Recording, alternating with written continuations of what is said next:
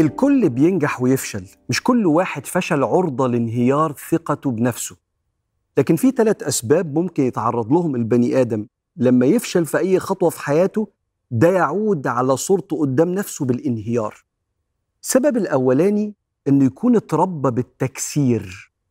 يكون اتربى في بيت الأهل كانت نيتهم طيبة وكل حاجة بس كانوا بيكسروا فيه كتير قوي عشان يشجعوه.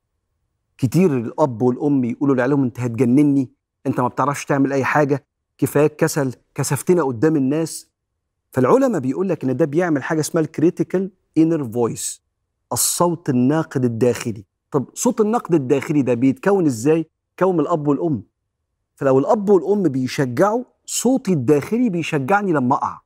لو الأب والأم بيكسروا دائما مش عارف أطلع صوت داخلي غير اللي اتربيت عليه. مش كده سيدنا إبراهيم وسيدنا إسماعيل علاقتهم قمة البنى لشخصية وثقة الإنسان في نفسه؟ لما رجع سيدنا إبراهيم من الشام لسيدنا إسماعيل وأمه هاجر كان سيدنا إسماعيل كبر فاعتنقه حضنه وقال يا بني إن الله قد أمرني بأمر. فقال يا ابت افعل ما أمرك الله به. قال وتعينني. تساعدني يا ابني تبقى أنت دراع اليمين. قال وأعينك. فقال إن الله قد أمرني برفع قواعد البيت وأشار لحتة معينة الكعبة في الحتة دي هنبنيها. وينزل القرآن على سيدنا النبي بعد كده يحكي وإذ يرفع إبراهيم القواعد من البيت وإسماعيل. إيد جنب إيد ثقة من الأب في ابنه وإسماعيل ربنا يتقبل منا إنك أنت السميع العليم.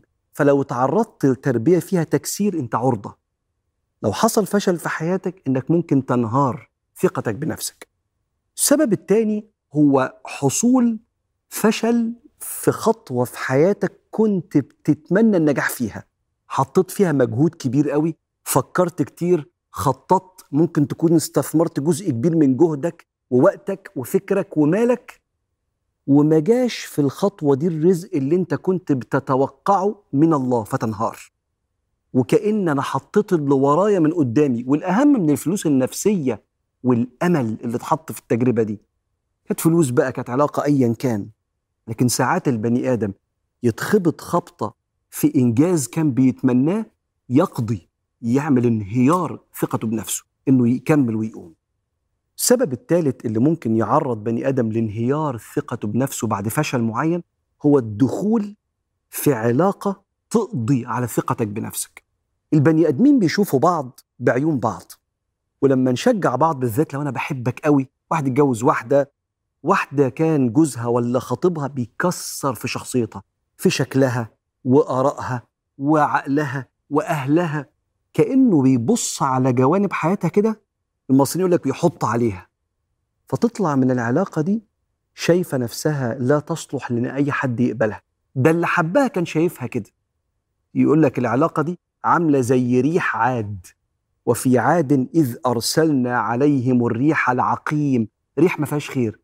ما تذر من شيء أتت عليه إلا جعلته كالرميم شيء مهدوم. فكأن العلاقة دي كسرت كل حاجة في حياة الشخص ده أو الست دي. مش كده سيدنا النبي عليه الصلاة والسلام كان يقول لا يكرم النساء إلا كريم ولا يهين النساء إلا لئيم.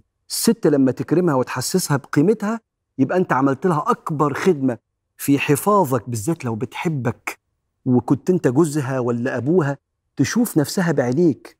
انت كده عملت لها اكبر خدمة في حفاظك على نفسيتها. والناحية الثانية سيدنا إبراهيم كما في حديث البخاري لما راح يزور ابنه إسماعيل فخبط فتحت له مراته. قال لها اخباركم إيه؟ قالت له نحن في شر وضيق وشدة. اشتكت من سيدنا إسماعيل. سيدنا إسماعيل ده سيد الرجالة ده نبي. واذكر في الكتاب إسماعيل إنه كان صادق الوعد وكان رسولا نبيا. سيد سيد الرجالة. فقال لها طيب لما إسماعيل يجي قولي له في حد جه كده وقال لك إيه غير عتبة دارك. فجه سيدنا إسماعيل مين اللي جه؟ ده فلان وشكله عامل كده. ما قالكيش حاجة؟ غير عتبة دارك؟ قال لها طيب الحقي بأهلك مش هنقدر نكمل من بعض مع بعض. كأنه كان مستحمل بالعافية العلاقة دي الجوازة دي لكنه مستني وحي من ربنا يوجهه يتصرف إزاي. ولما اتجوز تاني وجاله أبو سيدنا إبراهيم خبط كان إسماعيل بره في شغله ولا في دعوته ايا كان إيه الأخبار يا بنتي؟ قالت نحن في خير وسعة. فقال لها لما إسماعيل يجي يقول له ثبت عتبة دارك. فلما رجع وسأله فأبقاها استنى. الراجل يتكسر لو حس إنه مش كفاءة مش كفء. والست لما تكون دايما محسسة الراجل إنه بيجري على لقمة العيش بس مش مكفيهم يشوف نفسه صغير. دي علاقة بتخلي الإنسان ثقته في نفسه تنهار مع أي خبطة في الحياة. فلو تعرضت للثلاث أسباب دول خد بالك أنت محتاج تقف وتعيد بناء ثقتك بنفسك.